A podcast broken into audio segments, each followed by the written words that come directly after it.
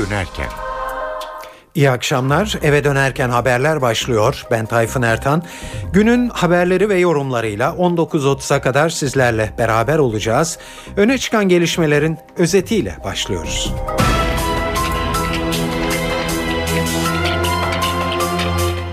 Gündemde Lice olayı var. BDP sorumluların yargı önüne çıkartılmasını istiyor. Başbakan yardımcısı Atalay sorumlularla ilgili gerekli işlemlerin yapılacağını belirtiyor ve BDP'yi provokatif olmakla eleştiriyor. Darbelere gerekçe oluşturan Silahlı Kuvvetler İç Hizmet Kanunu'nun 35. maddesinin bu hafta içinde değiştirilmesi bekleniyor. Eski CIA çalışanı Edward Snowden'ın sızdırdığı belgelere göre Obama yönetimi başta Avrupa Birliği olmak üzere 38 ülkenin büyükelçiliklerini ve temsilciliklerini dinletti. Bunlar arasında Türkiye Büyükelçiliği de var. Mısır'da Cumhurbaşkanı Muhammed Mursi'nin göreve gelişinin birinci yılında ülke karıştı. Mursi karşıtı göstericiler Müslüman Kardeşler Merkezi'ni de ateşe verdi. Ve bugünden itibaren ekmek üretiminde buğday, maya, tuz ve su dışında hiçbir şey kullanılmayacak.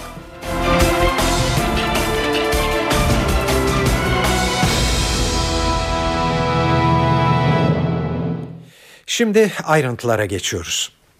Cuma günü Diyarbakır, Lice'den gelen haber bir kez daha çözüm sürecini gündemin en başına geçirdi akıllarda süreç tıkanır mı sorusu var şimdi. Konu bugün meclise taşındı. BDP olaylarla ilgili olarak bir meclis araştırması başlatılmasını istedi.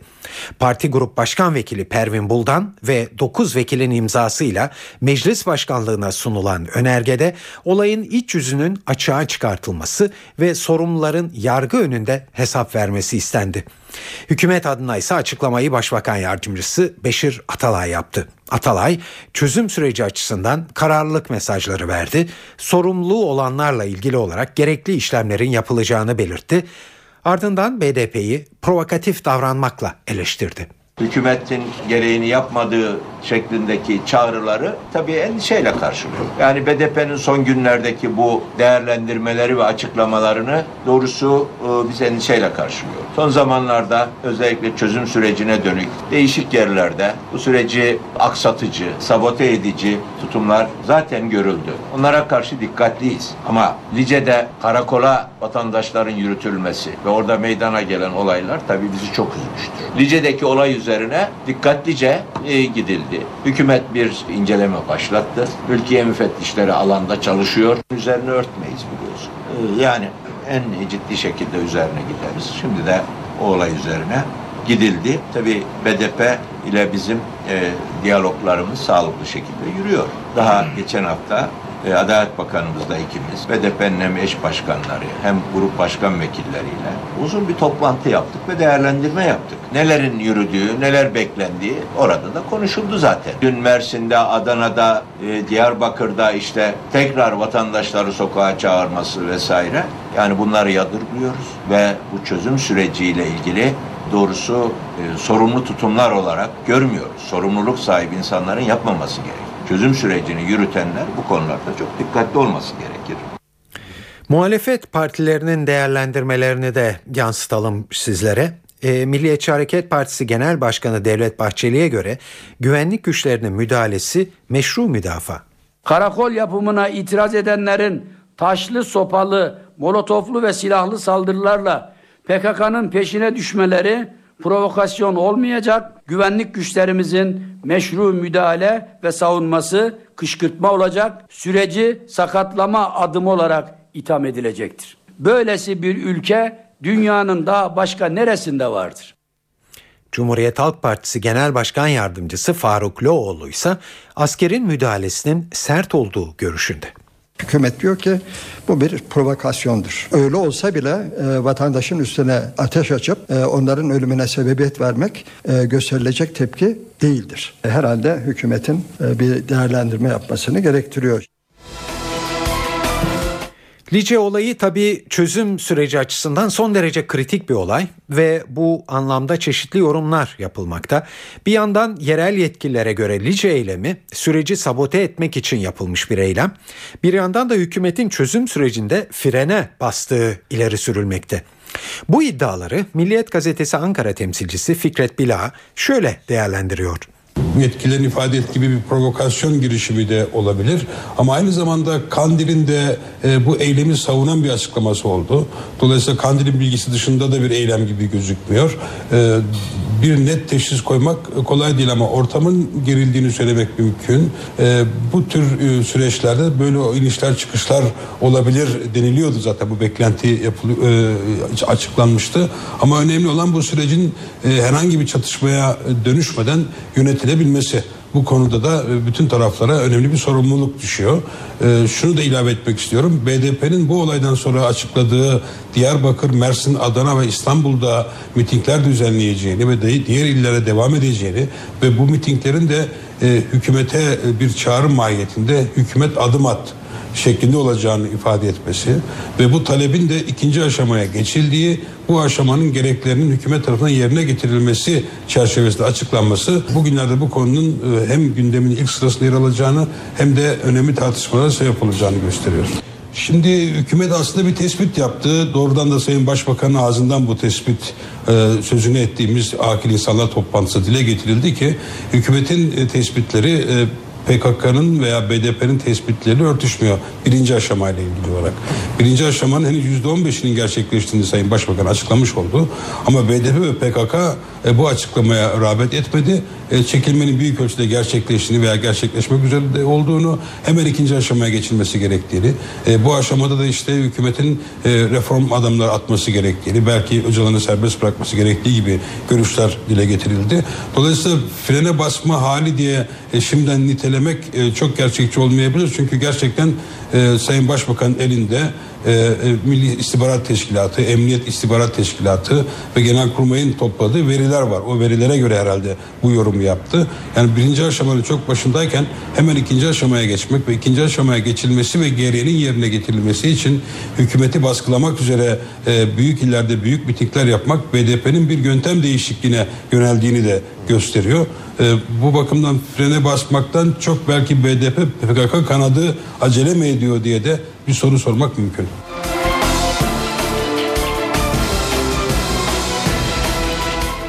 Darbelere dayanak olarak gösterilen Silahlı Kuvvetler İç Hizmet Kanunu'nun 35. maddesinin değiştirilmesi için yapılan çalışmalar bu haftanın önemli gündem maddelerinden biri olacak. Tasarı bugün Savunma Komisyonu'nda görüşülmeye başlandı. Askerin görevi yurt dışından gelecek tehditle sınırlandırılıyor ve taslağın meclis kapanmadan bu hafta sonuna kadar yasalaşması bekleniyor. Peki muhalefet bu değişiklik için ne düşünüyor? MHP'nin itirazı var ve bu itirazı Genel Başkan Devlet Bahçeli dile getirdi. Bahçeli kanun maddesi değiştirilerek darbe önlenmiş sayılmaz dedi ve hükümeti PKK'ya taviz vermekle suçladı. Kanun maddesi değiştirilerek darbe önlenmiş sayılamayacaktır. Zaten darbeyi kafasına koymuş darbecilerin hukuka riayet etme gibi bir kaygıları da olmayacaktır. Hukukta oynamalar yaparak, özel yetkili mahkemeler kurarak, darbeci izi sürecek ara rejim meraklılarının tamamen caydırılması da söz konusu değildir. 35. maddenin bu yeni hali açıkça PKK'ya ve bölücü çevrelere bir tavizdir. Oslo'dan İmralı'ya kadar teröre sunulan ödünlerin ileri bir adımıdır. AKP hükümeti iş tehditlerin bittiğine nasıl ve hangi verilerle karar verebilmektedir? Terör sorunu sona ermiş midir? Bölücülük tehdidi kalkmış mıdır? Türkiye huzura kavuşmuş, dirlik ve düzene ulaşmış mıdır? Takdir edeceğiniz üzere bu sorulara verilebilecek en ufak olumlu bir cevap dahi yoktur. Nihayetinde İç Hizmetler Kanunu'nda yapılması gündemde olan değişiklik bölücü teröre bir ikramdır ve bir ödüldür. PKK bastırmış, zorlamış, dayatmış, başbakan hükümetinden yeni bir taviz koparmıştır.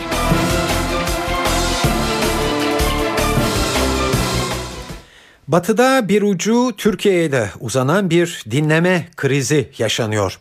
Amerika Avrupa hattı gerilmiş durumda. Her şey eski CIA çalışanı Edward Snowden'ın sızdırdığı belgelerde saklı.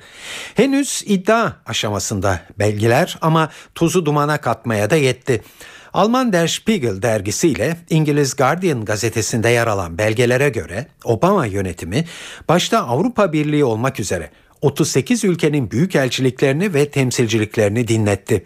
2010 tarihli belgelere göre Amerikalı istihbaratçılar Türk Büyükelçiliğini de dinlemeye almış. Ayrıntıları NTV New York temsilcisi Selim Atalay anlatıyor.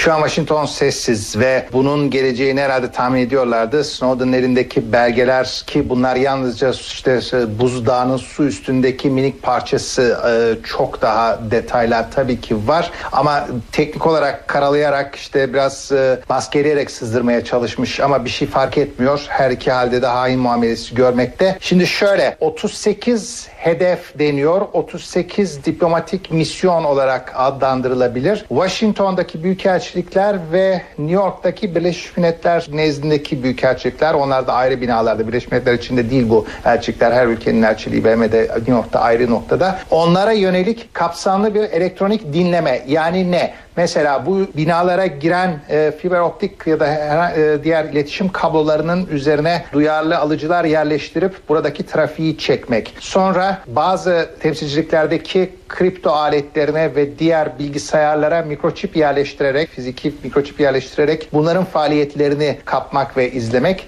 ya da e, diplomatik misyonlardan merkezlere giden elektronik mesajları antenle kapıp bunları de, ka, çözmek ve bunları depolamak. Yani gayet kapsamlı bir elektronik e, kulağı da aşıyor. Elektronik e, stetoskop denebilir, e, elektronik MR denebilir, elektronik röntgen denebilir. Her şey yapılmış. Büyük tepki var tabii ki. Türkiye bir isim olarak geçiyor. Yani 38 ülke deniyor veya 38 hedef. İşte Avrupa Birliği, Fransa, İtalya, Yunanistan, Meksika, Güney Kore, Hindistan ve Türkiye deniyor. Türkiye'ye yönelik tam ne yapıldığı konusunda bilgi yok ama daha çıkmasını bekliyoruz tabii. Buradaki sürpriz e, hem e, müttefikler var. Mesela İngiltere yok. Çünkü bu işlerde İngiltere Amerika'nın yanında yer almış. İngiltere'ye yönelik bir operasyon yok ya da açıklanan yok. Onların da birbirlerini izledikleri varsayılabilir. İngiltere yok. Kim yok diye bakmak lazım. Çok az ülke yok. Ee, mesela Avrupa Komisyonu'nun izlenmesi Brüksel'de NATO merkezinden yollanan sinyalle yapılmış. Yani NATO merkezinde de Amerika'nın bir faaliyeti var. Oradan Brüksel'deki Avrupa Birliği merkezini izliyorlar falan.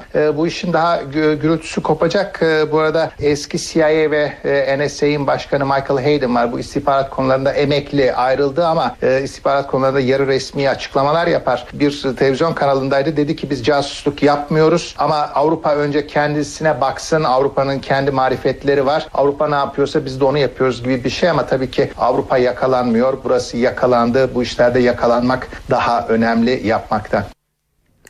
Evet aslında bu iddialar Avrupa için e, sürpriz değil ya da yeni değil diyelim. E, Avrupa Birliği organlarının dinlendiği iddiaları geçmiş yıllarda da basına yansımıştı.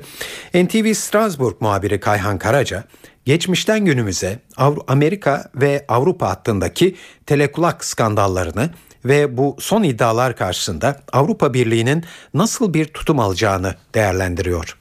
Avrupa e, habere şaşırmış benziyor. Aslında şaşırması neden e, nereden kaynaklanıyor bunu henüz bilmiyoruz. Çünkü bu gibi olaylar bugüne kadar meydana geldi. Hemen iki tane örnek vereyim. Yani bilinen resmi olarak kamuoyuna açıklanmış iki örnek var. 2003 yılında ve 2006 yılında. 2003 yılında e, Avrupa Birliği Konseyi'nin Brüksel'deki e, binasında mikrofonlar bulunmuştu. Bu olay e, hemen 1-2 yıl içinde örtbas edildi. E, üzerine giden olmadı. Sonucu da bilmiyoruz ne oldu iki taraf arasında. Ardından 2006 yılında bir SWIFT krizi yaşadık. Yani CIA ve ABD hazinesinin banka transferleriyle ilgili verileri topladığına dair Avrupa e, genelinde bir e, kriz doğmuştu. Bu kriz de 3 yıl sürdü Avrupa Birliği ile ABD arasında ve 2010, 2009 yılında varılan bir anlaşmayla örtbas edildi. Ama bunun da öncesinde 1990'lı yıllara dayanan çok önemli e, veriler var elimizde. Özellikle Soğuk Savaş'ın bitmesinden önce kurulmuş olan eşelon sistemi Soğuk Savaş bittikten sonra genel bir dinleme gezegen çapında bir dinleme ağına dönüştürüldü ve bu dinleme dinleme sadece e, siyasi ve politik boyut değil, e, buna e, ekonomik ve ticari boyut da eklendi. Dolayısıyla Avrupa Birliği'ne yönelik olarak ABD istihbarat birimlerinin bir ekonomik istihbarat ve ticari istihbarat faaliyetleri olduğunu da biliyoruz. Bunun çok güzel örnekleri de var. Hemen bir tanesini kısaca örnek vereyim. 1994 yılında yaşandı bu. E, hatta şu anda Fransa'da ekonomik istihbarat okuyan, ihtisas e, bu konuda ihtisas yapan, doktor yapan öğrencilere ibret alem olsun diye de öğretilir. Arabistan'la Fransa arasında Airbus satışı e, sırasında yaşanan bir ihale anlaşması. Bu ihale tam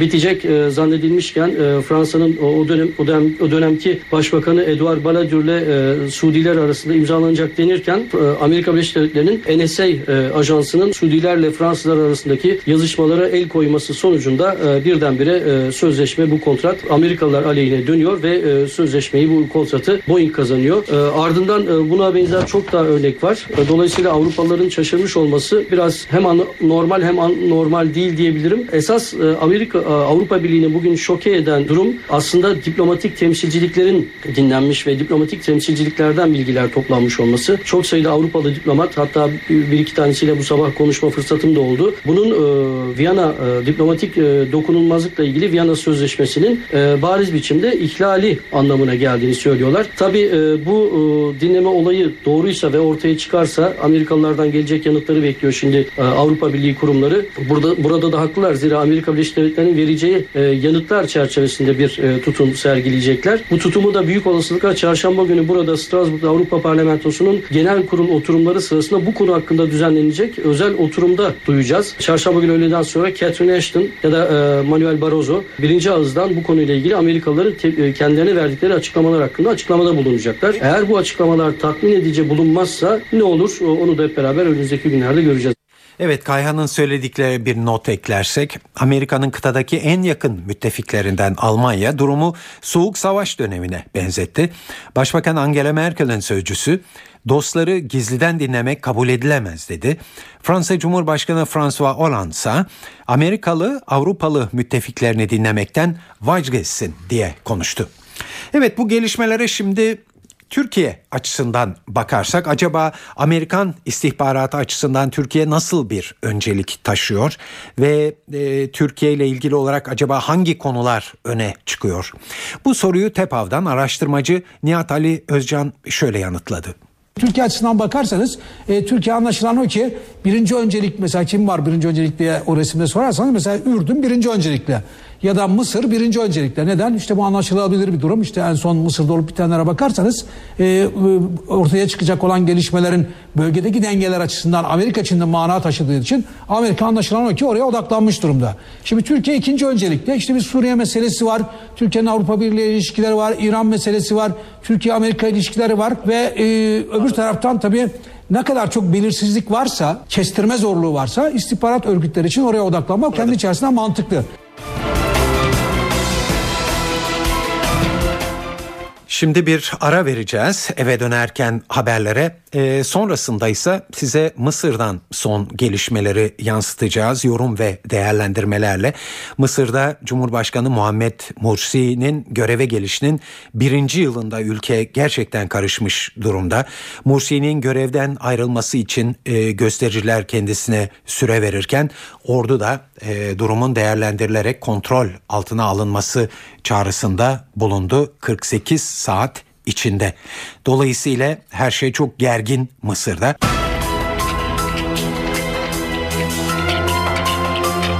Mısır'da e, Cumhurbaşkanı Muhammed Mursi'nin göreve gelişinin birinci yılında ülke gerçekten karışmış görünüyor. Mursi karşıtı göstericiler dün başta Tahrir Meydanı gelmek üzere dev boyutta mitingler düzenlediler. Başkent Kahire'de Müslüman kardeşlerin genel merkezine de yürüdü göstericiler ve binayı ateşe verdi. Dünden beri devam eden olaylarda çok sayıda kişi hayatını kaybetti. Dört bakan da istifa etmiş durumda. Mısır ordusu da krizin aşılması için politikacıların 48 saat içinde bir yol haritası üzerinde anlaşmalarını istedi. Ee, bir tür ciddi bir ikaz ordudan gelen. Ayrıntıları NTV Kahire muhabiri Nuran Milli'den dinliyoruz. Milli Savunma Bakanı aynı zamanda Genelkurmay Başkanı Abdülfettah Sisi az önce yaptığı açıklamada ülkede yaşanan krize 40 saat, 48 saat içinde çözüm bulunamazsa kendi yol haritalarını devreye sokacaklarını söyledi. Bugün Çevre, Turizm, İletişim ve Hukuk İşleri Bakanları da istifa etti. Dün de Şura Meclisi'nden 7 üye istifa etmişti. Bugün de Tahrir Meydanı Mursi karşıtlarıyla doldu. Göstericiler Mursi'ye istifa çağrısında bulunuyor. Kahire'nin yanı sıra bugün de halk meydanlara akın ediyor diğer kentlerde. Temerrüt hareketi Cumhurbaşkanı Mursi'ye görevi bırakması için yarına kadar süre tanıdıklarını, aksi takdirde ülke genelinde sivil itaatsizlik eylemleri başlatacağını duyurmuştu. Bu sabah Müslüman Kardeşler Örgütü'nün Kahire'deki genel merkezinde çıkan yangın söndürüldü. Dünden bu yana bina çevresinde Mursi karşıtlarıyla yandaşları arasında çıkan çatışmalarda silahlar konuştu. Sağlık Bakanlığı başta Kahire olmak üzere 17 kentte Mursi, Mursi destekçileri ve karşıtları arasında çıkan çatışmalarda 30'un üzerinde kişinin hayatını kaybettiğini, 800 üzerinde kişinin de yaralandığını duyurdu. Evet son tepkilerin merkezinde Cumhurbaşkanı Muhammed Mursi var. Acaba onu hedef haline getiren gelişmeler neydi? Neyi yapmadı ya da neyi yaptığı için tepki çekti? Bu soruları Orta Doğu Teknik Üniversitesi'nden Profesör Hüseyin Bağcı'ya sorduk. Bağcı iki neden üzerinde durdu. Mısır'ın öncelikli sorunu tabii ki ekonomiydi. Gençler arasındaki işsizlik son bir yılda e, özellikle daha çok ideolojik hedefli e, reformları yapmaya çalışan Mursi ekonomiyi doğal olarak e, ihmal etmek durumunda kaldı. Özellikle turizm alanında tabii çok büyük bir kayba uğradı. Bu bizler için pek o kadar e, önemli olmayabilir ama Mısır için turizm olmazsa olmaz sektörlerden biridir ve milyonlarca insanın tabii Mısır'a e, gelmeyişi doğal olarak e, işsizliği de artırdı. Bazı sektörlerdeki dengeleri bozdu. Mursi'nin daha çok e, yine dini içerikli söylemlerde bulunması, örneğin Avrupa Birliği ülkelerinde istediği desteği alamayışı, finansal açıdan e, Mısır'a yatırımın e, gelmeyişi ve tabii Amerika Birleşik Devletleri ile e, Mısır arasında bir stratejik ortaklık var ama Amerikalılar da endişeyle, şüpheyle yaklaşıyorlar. Çünkü Mursi'nin e, Mısır'ı bir din devletine dönüştürme arzusu ve istemi doğal olarak dünden beri de gittikçe artan gösterilerin ortaya çıkmasına neden oldu. Burada iki tane faktör çok önemli. Bir tanesi Mısır'ı din devletine dönüştürme ve dolayısıyla insanların özel yaşamına müdahale etme. Bu Mısır gibi laikliği benimsemiş e, ülkelerden toplum anlamında söylüyorum birinde tabii ki kabul edilemez bir e, nokta haline geldi. Diğeri de hükümetin yani Mursi'nin başkanlığı e, esnasında Mısır ekonomisini düzeltecek bir planın gerçekleştirilememesi.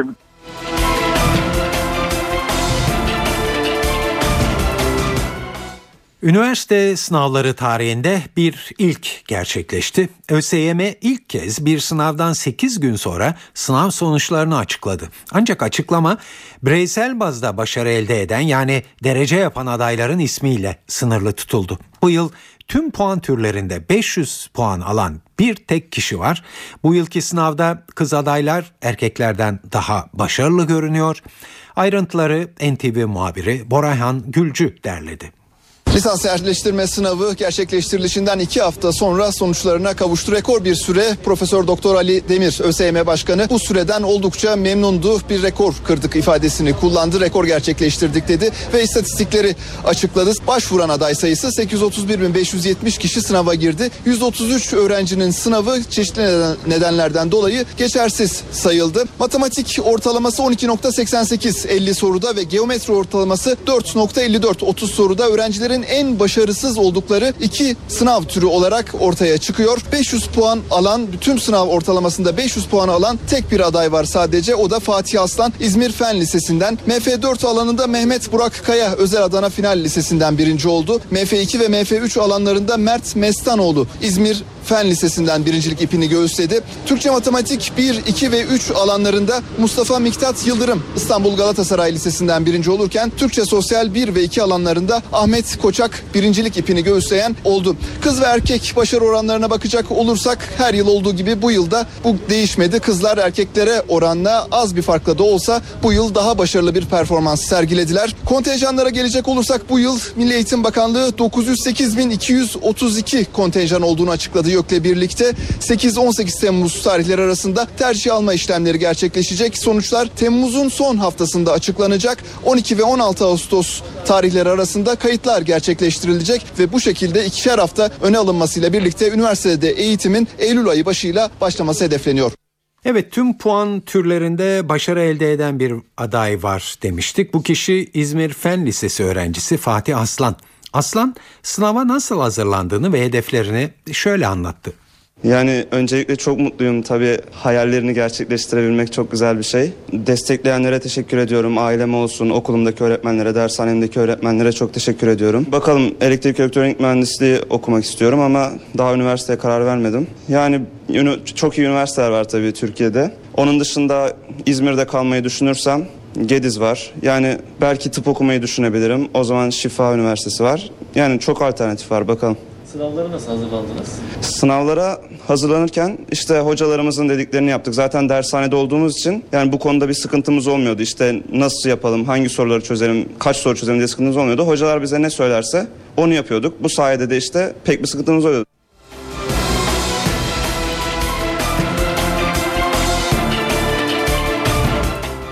Geçen yıl uygulanmaya başlanan 4 artı 4 artı 4 eğitim sisteminde değişiklik gündemde. Sistemde 60 aylıkken okula başlama kararı velilere bırakılmıştı. Yapılan değişiklikle artık veli onayı yanı sıra uzman kararı da gerekecek. Ders sürelerinde de değişikliğe gidiliyor ve 40 dakikalık süre 20 dakikaya indiriliyor. Klasik sıralar yerine minder kullanılması da düşünülmekte. Bu adımların gerekçesi miniklerin yaşadığı uyum sorunu okullarda. Ayrıntıları NTV muhabiri Murat Barış Koralp anlatıyor. Uygulamada ortaya çıkan sorunlar geçen yıl uygulanmaya başlanan 4 artı 4 artı 4 eğitim sisteminde bir kez daha değişiklik ihtiyacı doğurdu. Ders süreleri yarı yarıya azaltılacak. Veliler çocuğunu 60 aylıkken okula göndermek istese bile son kararı uzman komisyon verecek. Vatan Gazetesi'nin haberine göre Milli Eğitim Bakanlığı bünyesinde oluşturulan komisyon bir dizi değişiklik üzerinde çalışıyor. Uygulamada 60 ila 66 aylık çocukların 40 dakikalık ders saatlerine uyum sağlayamadığı, dikkatsizlik gibi sorunların ortaya çıktığı tespit edildi. Ayrıca 60 ila 66 aylık çocukların %67'sinin tuvalet eğitiminde sorun bulunduğu ortaya çıktı. Üst yaş gruplarının Nisan ayında okuma yazma öğrenmesine karşın 60 ila 66 aylık her 5 çocuktan 4'ü Nisan ayında okumaya geçemedi. Milli Eğitim Bakanlığı Komisyonu'nun öğrencilerin ilgi ve becerilerine göre esnek eğitimi hayata geçirmesi bekleniyor. Bir diğer yenilik ise çocukların 60 ila 70 ve 71 ila 84 aylık olmak üzere iki sınıfa ayrılması. Çocukların klasik sıra düzeninde eğitim yerine minderde eğitim alması da gündemde. Anadolu Eğitim Sen'in 2000 öğretmenle yaptığı anket 4 artı 4 artı 4 eğitim sistemine öğrencilerin olduğu kadar öğretmenlerin de yabancı olduğunu ortaya koydu. Birinci sınıflarda yapılan sistem değişikliğine ilişkin eğitim aldınız mı sorusuna her 3 öğretmenden ikisi hayır yanıtını verdi. Evet Ramazan'a artık günler kaldı diyebiliriz ve Son olarak pide fiyatları açıklandı. Buna göre Ramazan ayında İstanbul'da 300 gramlık pide 1,5 liradan, Ankara'da ise 350 gram olarak belirlenen pide 1,5 liradan satılacak. Açıklamayı Fırıncılar Federasyonu Başkanı Halil İbrahim Balcı yaptı. Bu yıl İstanbul'da 300 gram e, pide 1,5 lira olacak. 2012 ve 2011'in pide fiyatlarına bakacak olursak hiçbir değişik yok. Yani 3. yılda bir zorunlu fiyat artışı söz konusu oldu. Pide fiyatlarında e, illere göre farklılık arz eden fiyatlarda %10 ile %15 arasında bir fiyat artışı söz konusu. İstanbul ilinde geçen yıl satılan 350 e, gramlık pide 300 liradan satılacak. Ankara'da 350 gram pide 1,5 liradan satılacak. Bunun yanında diğer vilayetlerde 450 gram pide 2 liradan satılacak satılıyor. Kilogram fiyatına baktığınızda 4 lira 40 kuruşa geliyor. Yani ülke genelinde azami fiyat 5 liranın üzerinde olmayacak. Geçen sene bu rakamda en yüksek 4 lira 30 kuruştu. 70 kuruş artış olan illerimiz olmuş olacak. Bu 2 3. yıl olan e, bu süreçte e, takdir edersiniz ki girdilerde ciddi artışlar oldu. Bunu en makul seviyede geçmiş yıllarda olduğu gibi yönetici arkadaşlarımız kendi iline göre yaptığı hesaplamada makul bir seviyede tutmaya çalıştılar. Türkiye'de ekmek üretim ve tüketimi açısından da önemli bir gün bugün. Katkısız ekmek dönemi başlıyor. 1 Temmuz'dan yani bugünden itibaren aslında başlamış durumda. Katkısız derken artık ekmek üretiminde buğday unu, maya, tuz ve su dışında yani 4 temel üründen e, başka hiçbir şey kullanılmayacak. Fırıncılar Federasyonu Başkanı Balcı, lezzette pozitif anlamda bir değişiklik olacağını, bunun da ekmek israfını azaltacağı görüşünde. Bugüne kadar kullanılan katkı maddeleri kesinlikle bakanlığımızın müsaade ettiği katkı maddeleriydi. Zararlı değildir. Fakat halkımızın daha iyi ekmek tüketmesi için, damak tadını alabilmesi için fırınlarda kullanılan katkı maddeyi kaldırmış oluyor. Ekmeğin içerisinde tuz, su, paket maya ve undan olacak. Başka herhangi bir madde? Herhangi bir katkı maddesi olmayacak ee, ve kendiliğinden e, mayalanma süresi olacağı için balon gibi şişmiş ekmek göremeyeceksiniz bundan sonra. Damak tadına hitap eden tüketici olan halkımız aldığında tamamını tüketebileceği ekmeği e, fırıncı esnafımız üretmiş olacak. Bu da aynı zamanda israf konusunda önemli katkı sağlamış olacak. Şimdi o lezzeti yakaladıklarında o ekmek çok rahat tüketmiş olacaklar. Dolayısıyla israf edilmemiş olacak. Ekmek kalmamış olacak. Aldıkları ekmeği daha rahat tüketecekler. Bundan sonra e, geçmişte olduğu gibi gelişi güzel yerde ekmek satılmasını engelliyor bu yönetmelikler. Bakanlığımızın çıkarmış olduğu bu yönetmelik bakkal ve marketin dışında e, manavda, kasapta, kuru yemişçide ekmek satışını yasaklamış oluyor. Dolayısıyla e, bakkalların önüne e, sabahları açıkta ekmek bırakılmasının önüne geçmiş oluyor. Bakkal ve marketlerin ekmek dolaplarını dışarıya koymasını yasaklıyor. Mümkünse vatandaşın kolaylıkla elleyemeyeceği bir yere koymalarını istiyor. Eğer içeride böyle bir yer yoksa açık bir yere koyacaksa yani vatandaşın kolaylıkla e, ulaşabileceği bir yere dolabını koyuyorsa kesinlikle dolabında erdiven olması şartını getiriyor. Uyarıcı yazı şartı getiriyor. Eğer çıplak elle birçok ekmeğe dokunan vatandaş olursa satıcı bunu uyarmak zorunda. Yönetmelik bunu da içeriyor.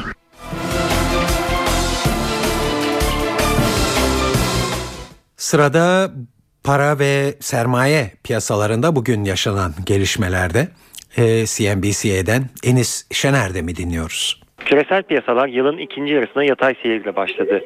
Borsalarda değişimler geçtiğimiz birkaç haftaya göre daha sınırlı düzeyde. Bu haftanın ana gündemi Cuma günü ABD'de açıklanacak olan istihdam verisi. ABD Merkez Bankası Fed'in politikaları için bu veri gösterge olarak kabul ediliyor. İç piyasalarda da görece sakin bir gün geride kaldı. BIST 100 ise güne düşüşle başladıktan sonra ikinci seansta toparlandı ve kapanış %0.58 primle 76.736 seviyesinden gerçekleşti. Analistler yükselişin devamı için 77 bin seviyesinin aşılması gerektiği görüşünde. Para piyasalarında ise TL'nin sakin seyrini takip ettik. Dolar TL gün boyunca 1.92'nin üzerinde dar bantta dalgalandı ve kapanış da 1.92.20'den gerçekleşti. Merkez Bankası bugün de 150 milyon dolarlık döviz satım ihalesi gerçekleştirerek TL'ye destek oldu. Tahvil piyasasında ise hacim oldukça düşüktü. Gösterge faiz günü %7.70 seviyesinden tamamladı. Şimdi de hava durumuna bir göz atacağız. Ee, bugün hayli e, serin bir gün ee, İstanbul'da öyle diyebiliriz en azından dün akşamki e, yağmurlardan sonra. Acaba bu durum ne kadar devam edecek? Soruyu NTV Meteoroloji Editörü Gökhan Abur yanıtlıyor.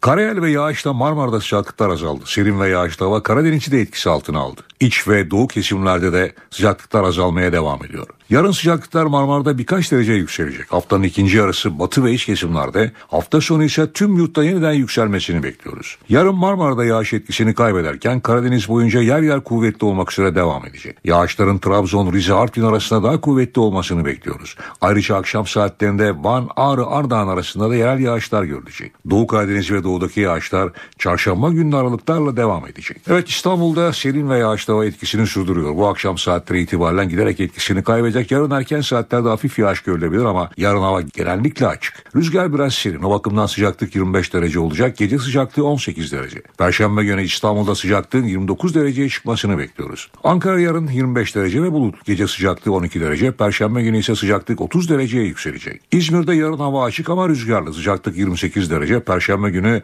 yüksek sıcaklıklar var. İzmir'de beklediğimiz gece sıcaklığı ise 22 derece civarında olur.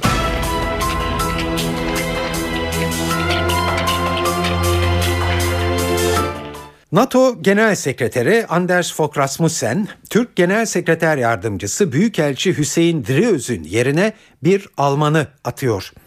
Rasmussen görev süreleri sona ermek üzere olan yardımcılarının yerine yeni atamalar yapmış durumda. Temmuz 2014'te görev süresi dolacak olan Rasmussen'in bu atamaları halefine bırakması bekleniyordu. Ancak Rasmussen atamaları kendisi gerçekleştirdi.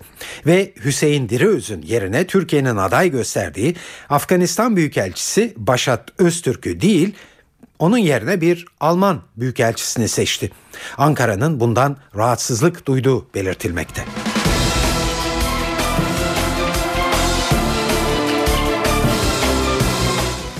NTV Radyo'da eve dönerken haberler devam ediyor. Dear friends, welcome to the European Union. Evet, Avrupa Birliği Komisyonu Başkanı Jose Manuel Barroso, birliğin yeni üyesi Hırvatistan'a işte böyle birliğe hoş geldiniz diyordu. Hırvatistan Türkiye ile aynı tarihte başladığı Avrupa Birliği katılım müzakerelerini tamamladı ve birliğin yeni üyesi oldu. Başkent Zagreb'de bir karnaval havası esti. Resmi girişin hemen ardından Hırvatistan'ın Avrupa Birliği üyesi Slovenya ile aralarındaki sınır kapısı Bregana kaldırıldı. Hırvatistan'ın üyeliğiyle birlikte Avrupa Birliği'nin üye sayısı 28'e yükseldi. 5 yıldır ekonomik durgunlukla uğraşan Hırvatistan, üyelikle birlikte Avrupa Birliği'nden 15 milyar dolar tutarında yardım alacak şimdi. Nüfusu 4 milyon olan Hırvatistan özellikle turizm potansiyeliyle dikkat çekiyor.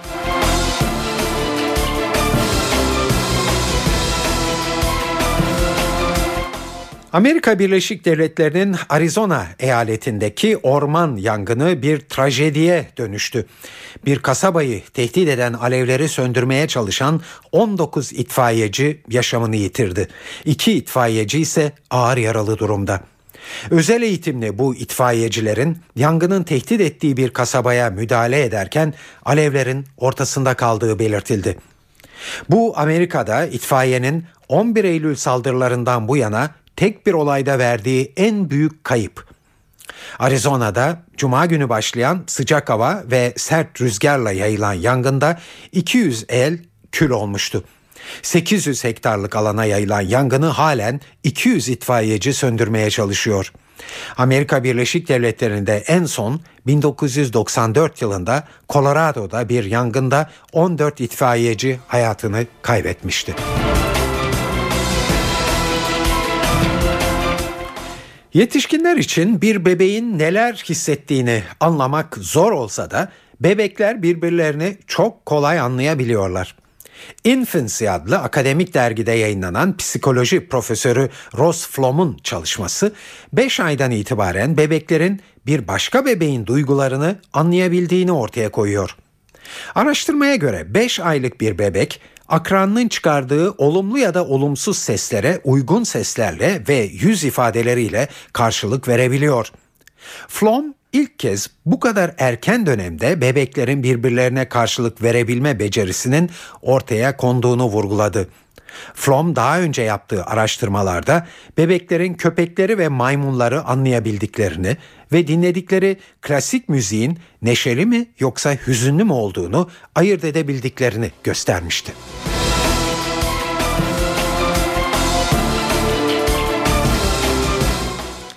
Beşiktaş ilk yabancı transferini yaptı. Siyah beyazlılar Kolombiyalı savunma oyuncusu Pedro Franco ile 5 yıllık bir sözleşme imzaladı.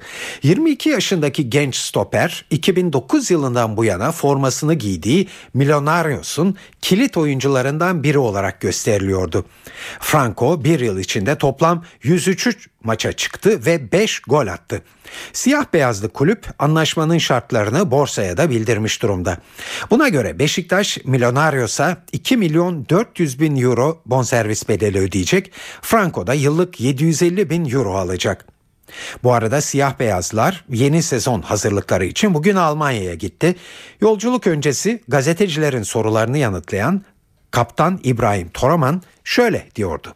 İnşallah camiamız için, takımımız için, bizler için hayırlı uğurlu bir sezon geçeriz. Sakatlık kaza bile olmadan. Yeni gelen arkadaşlarımızla beraber, yeni gelen hocamızla beraber inşallah uyumlu bir şekilde güzel bir kamp dönemi geçiririz. Evet yeni bir heyecan, daha önce çalışmadığımız için çok da fazla şey bilmiyorum. Takip ettiğimiz kadarıyla biliyoruz.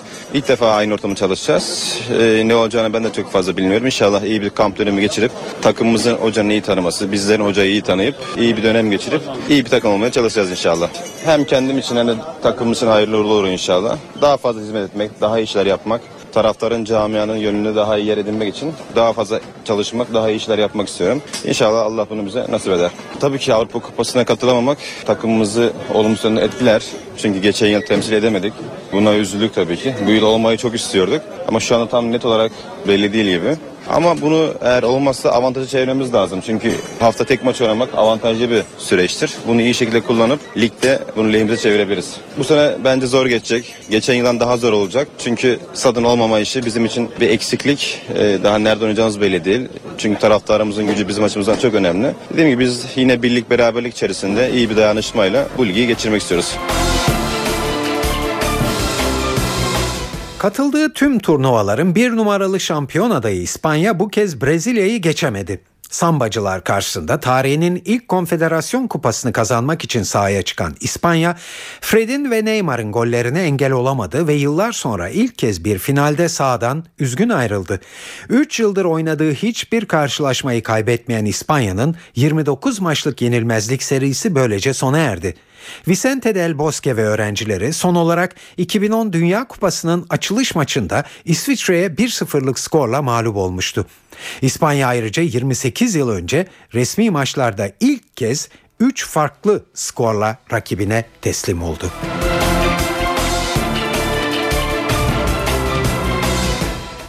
Evet şimdi e, kültür ve sanat dünyasından haberlere geldi sıra. Size çeşitli etkinliklerden bir derleme sunuyoruz.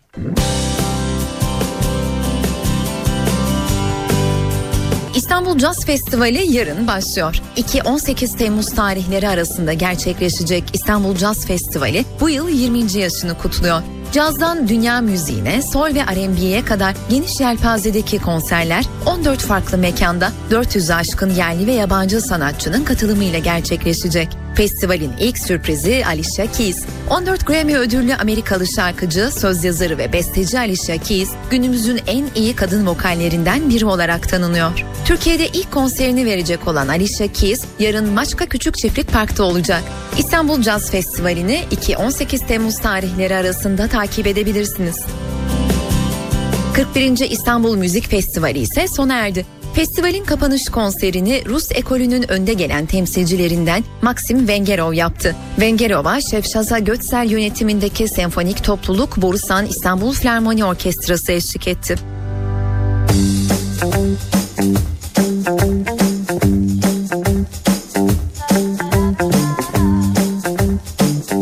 İstanbul'daki etkinliklerden önerilerle devam edelim. İstanbul Opera Festivali devam ediyor. Bu akşam Aya Irini festivalin gala konserine ev sahipliği yapacak. Roberto Abbado şefliğindeki konsere bariton Marco Vratonia, tenor Stefano Secco, tenor Marco Berti ve soprano Alexandra Kurzak solist olarak katılıyor. Dünyaca ünlü sanatçılara sahnede İstanbul Devlet Opera ve Balesi Orkestrası eşlik ediyor. Verdi'nin 200. doğum yıl dönümüne ithaf edilen gece saat 21'de başlıyor.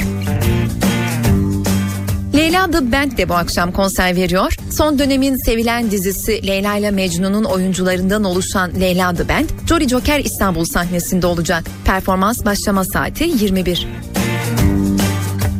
Enka Eşref Denizhan Açık Hava Tiyatrosu ise Candan Erçetin'i ağırlıyor bugün. Pop folk müziğinin önemli sesi Candan Erçetin, sevilen parçalarını seslendireceği konseriyle saat 21.15'te buluşuyor müzikseverlerle. Beyoğlu Hayal Kahvesi'nde de Mikado dinlenebilir bu akşam. Nucaz müziğini farklı formlarda yorumlayan grup saat 22.30'da sahnede. Bu akşam evdeyseniz CNBC'de Lucky You adlı film var. Eric Bana ve Drew Barrymore'un başrollerini paylaştığı film romantik dram türünde. Genç poker ustasının Las Vegas'ta oyun masalarında yaşadığı maceraları ve yeni tanıştığı güzel şarkıcıyla arasındaki aşk öyküsünü anlatıyor film. Filmin başlama saati 22. Öncesinde ise saat 21'de Rizzoli and Isles ekranda olacak. Siyasetin gündeminde Lice olayı var. Darbelere gerekçe oluşturan Silahlı Kuvvetler İç Hizmet Kanunu'nun 35. maddesinin bu hafta içinde değiştirilmesi bekleniyor. Eski CIA çalışanı Edward Snowden'ın sızdırdığı belgelere göre Obama yönetimi başta Avrupa Birliği olmak üzere 38 ülkenin büyükelçiliklerini ve temsilciliklerini dinletti. Ve Mısır'da Cumhurbaşkanı Muhammed Mursi'nin göreve gelişinin birinci yılında ülke karıştı. Ordu 48 saat içinde çözüm bulunmasını istedi.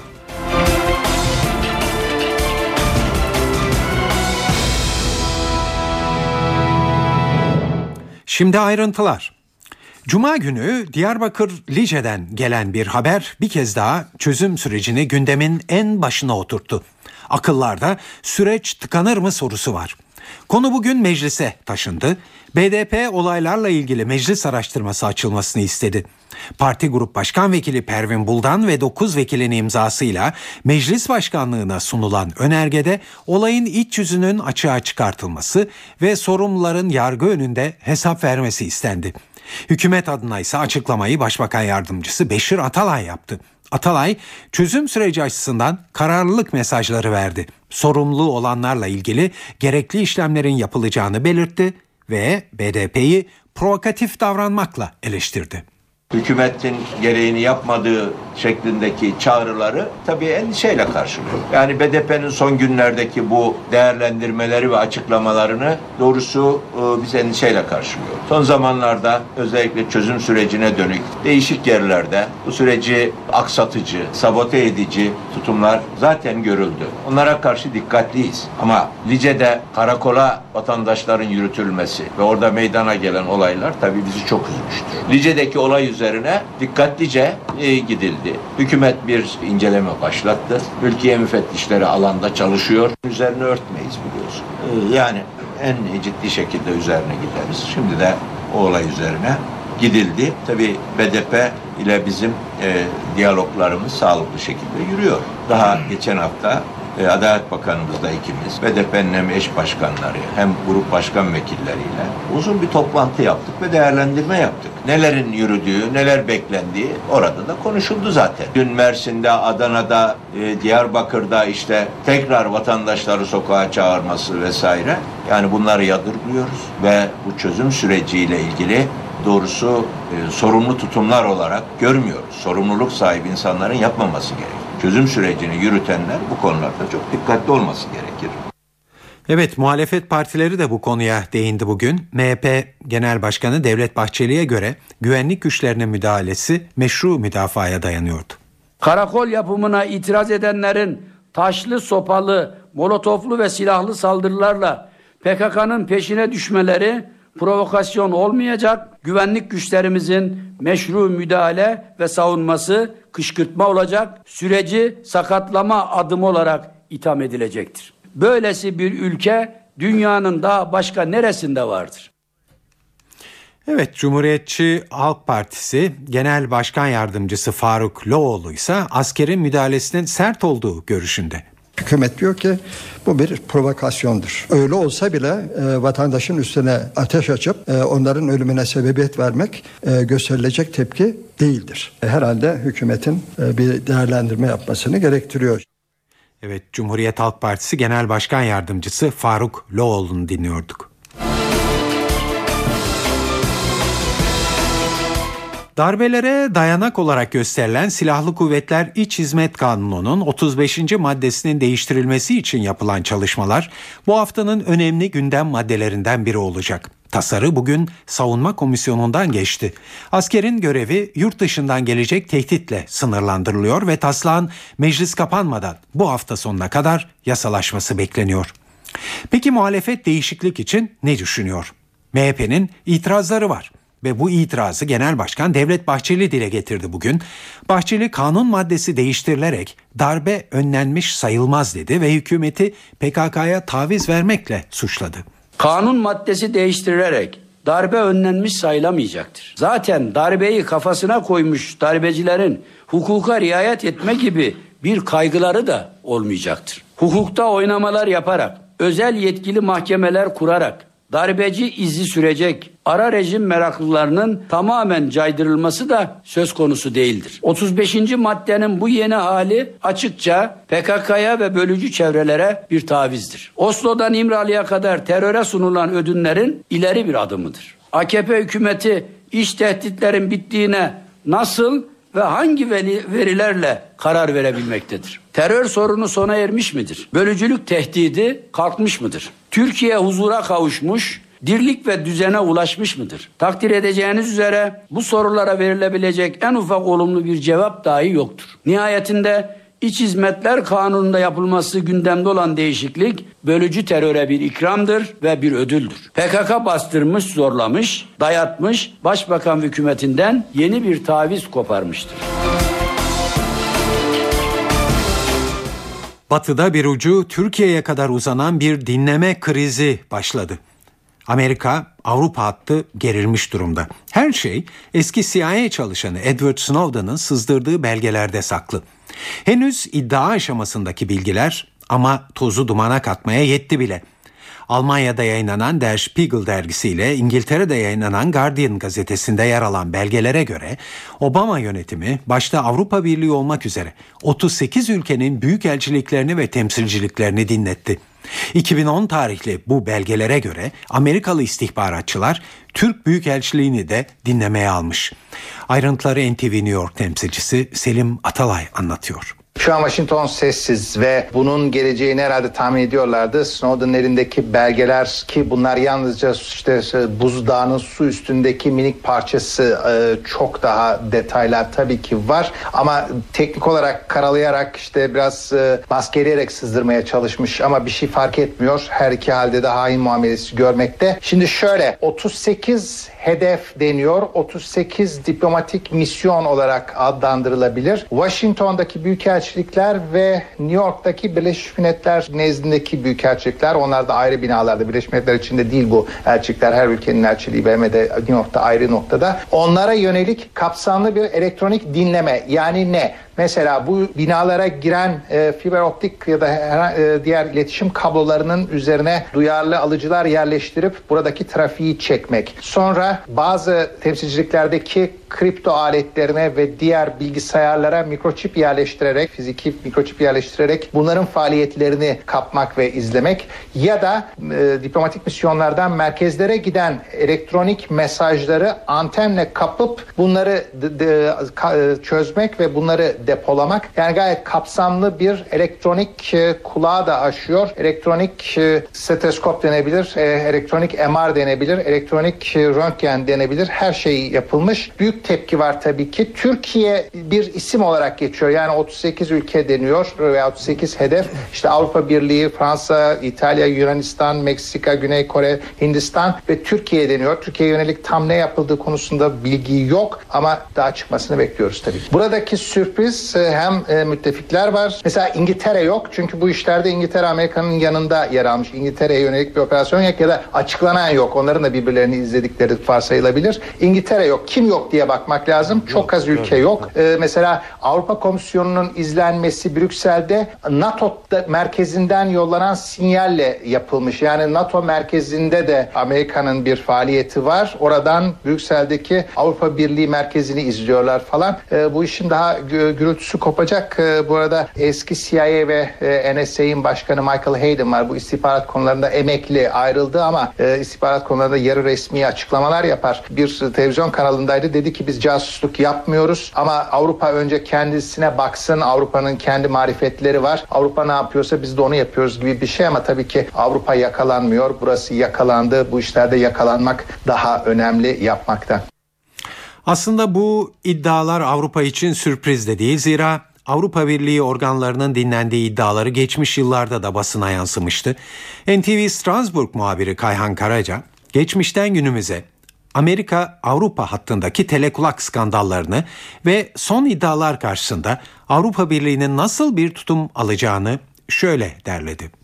Avrupa e, habere şaşırmış benziyor. Aslında şaşırması neden e, nereden kaynaklanıyor bunu henüz bilmiyoruz. Çünkü bu gibi olaylar bugüne kadar meydana geldi. Hemen iki tane örnek vereyim. Yani bilinen resmi olarak kamuoyuna açıklanmış iki örnek var. 2003 yılında ve 2006 yılında. 2003 yılında e, Avrupa Birliği Konseyi'nin Brüksel'deki e, binasında mikrofonlar bulunmuştu. Bu olay e, hemen 1-2 yıl içinde örtbas edildi. E, üzerine giden olmadı. Sonucu da bilmiyoruz ne oldu iki taraf arasında. Ardından 2006 yılında bir SWIFT krizi yaşadık. Yani ve ABD hazinesinin banka transferleriyle ilgili verileri topladığına dair Avrupa e, genelinde bir e, kriz doğmuştu. Bu kriz de 3 yıl sürdü Avrupa Birliği ile ABD arasında ve 2010, 2009 yılında varılan bir anlaşmayla örtbas edildi. Ama bunun da öncesinde 1990'lı yıllara dayanan çok önemli e, veriler var e, elimizde. Özellikle e, Soğuk Savaş'ın e, bitmesinden önce e, kurulmuş olan eşelon sistemi Soğuk Savaş bittikten sonra genel bir e, dinleme gezegen e, çapında bir dinleme ağına dönüştürüldü ve bu e, dinleme sadece e, siyasi ve politik boyut değil e, buna e, ekonomik ve ticari boyut da eklendi. Dolayısıyla Avrupa Birliği'ne yönelik olarak ABD istihbarat birimlerinin bir ekonomik istihbarat ve ticari istihbarat faaliyetleri olduğunu da biliyoruz. Bunun çok güzel örnekleri de var. Hemen bir tanesini kısaca örnek vereyim. 1994 yılında yaşandı bu. E, hatta şu anda Fransa'da ekonomik istihbarat okuyan, ihtisas e, bu konuda ihtisas yapan, doktor yapan öğrencilere ibret alem olsun diye de öğretilir. Arabistan'la Fransa arasında Airbus satışı e, sırasında arasında yaşanan bir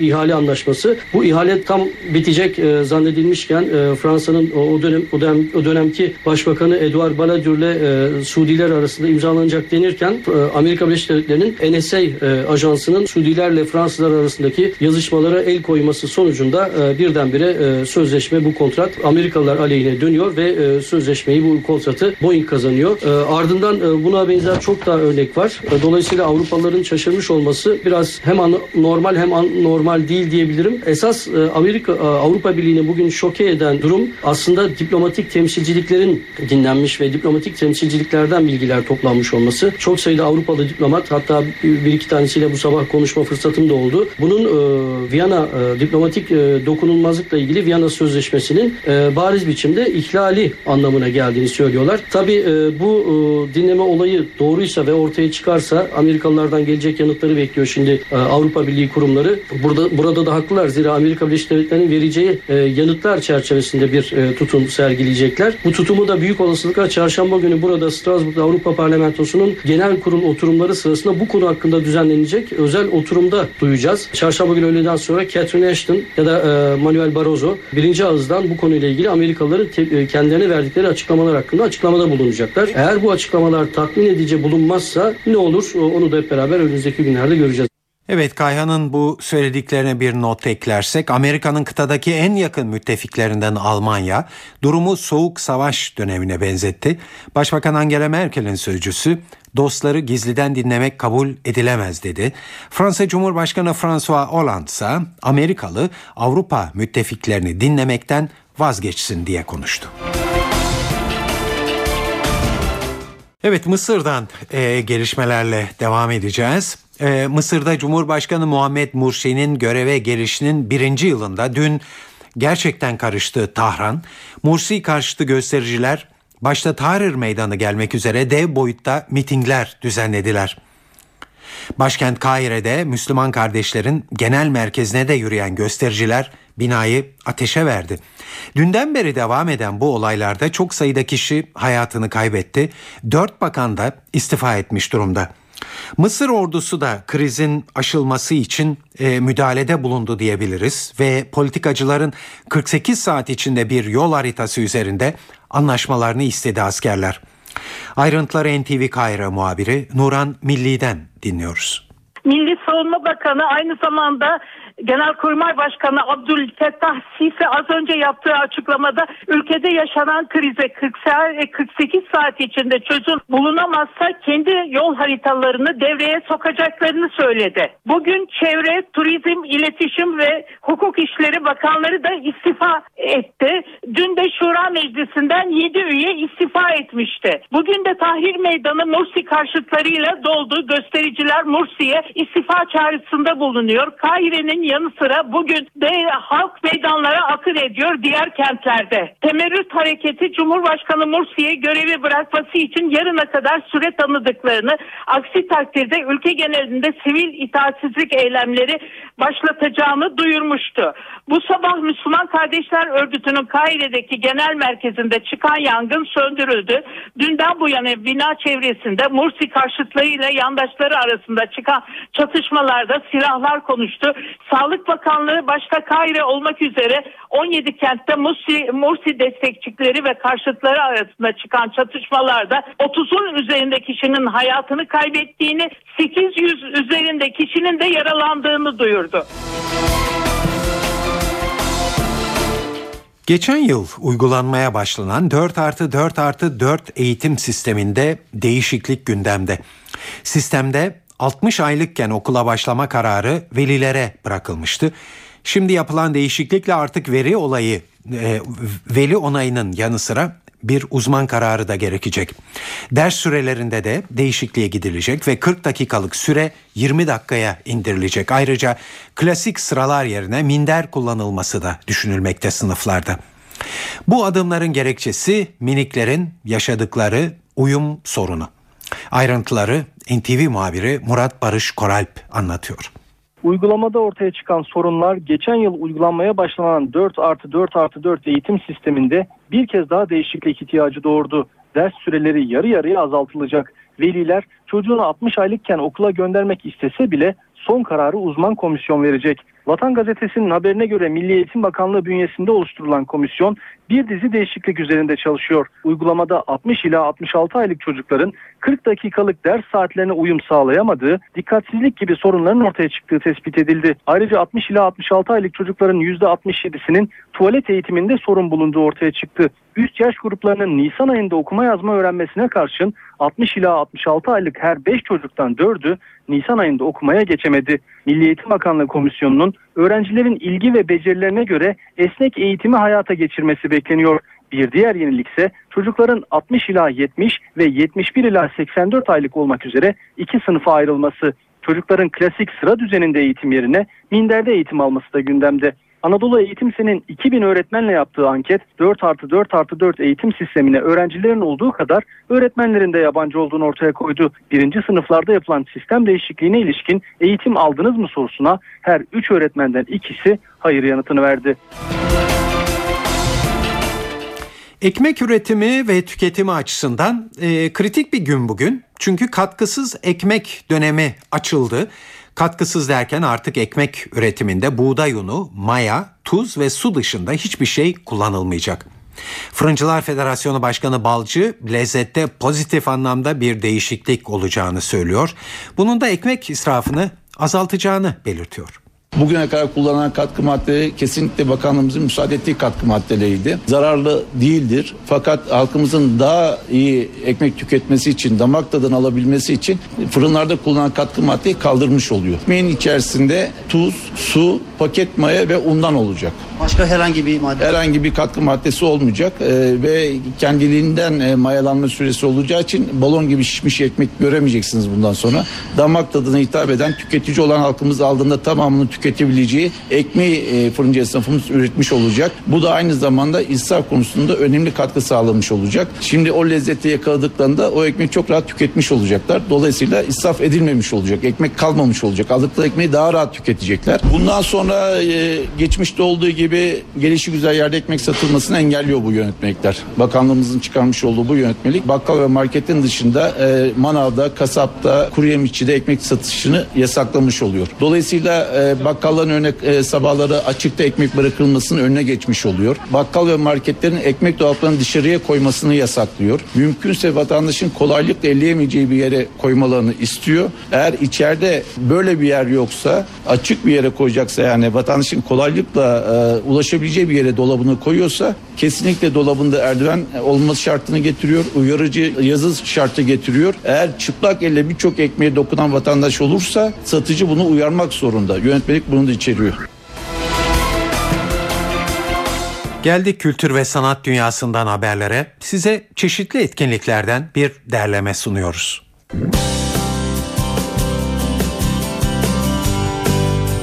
İstanbul Jazz Festivali yarın başlıyor. 2-18 Temmuz tarihleri arasında gerçekleşecek İstanbul Jazz Festivali bu yıl 20. yaşını kutluyor. Cazdan dünya müziğine, sol ve R&B'ye kadar geniş yelpazedeki konserler 14 farklı mekanda 400 aşkın yerli ve yabancı sanatçının katılımıyla gerçekleşecek. Festivalin ilk sürprizi Alicia Keys. 14 Grammy ödüllü Amerikalı şarkıcı, söz yazarı ve besteci Alicia Keys günümüzün en iyi kadın vokallerinden biri olarak tanınıyor. Türkiye'de ilk konserini verecek olan Alicia Keys yarın Maçka Küçük Çiftlik Park'ta olacak. İstanbul Jazz Festivali'ni 2-18 Temmuz tarihleri arasında takip edebilirsiniz. 41. İstanbul Müzik Festivali ise sona erdi. Festivalin kapanış konserini Rus ekolünün önde gelen temsilcilerinden Maxim Vengerov yaptı. Vengerov'a Şefşaza Götsel yönetimindeki senfonik topluluk Borusan İstanbul Filarmoni Orkestrası eşlik etti.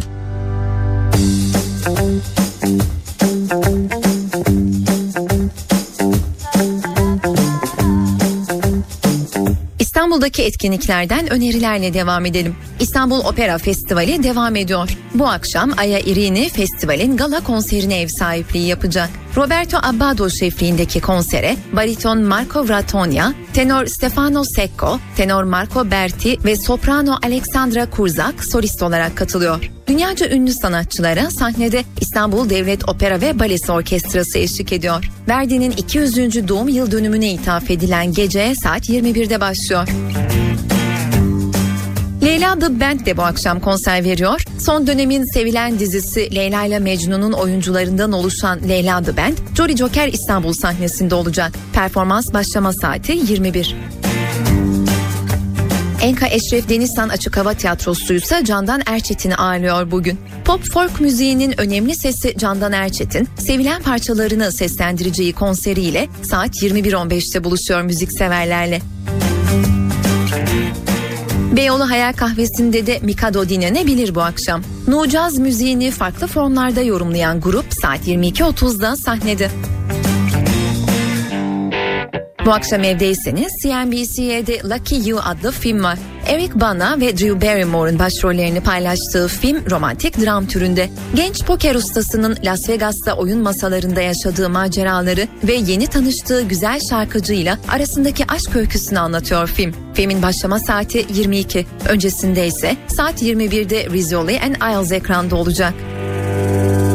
Evet saat 7'yi 26 geçiyor ve bir eve dönerken haberlerin daha sonuna e, geldik. Bu akşam bu yayınımızın e, editörlüğünü Sevan Kazancı, stüdyo teknisyenliğini Mehmet Can Bahadır yaptı. Yarın akşam aynı saatte yeniden bir arada olmak umuduyla ben Tayfun Ertan. Hepinize iyi akşamlar diliyoruz.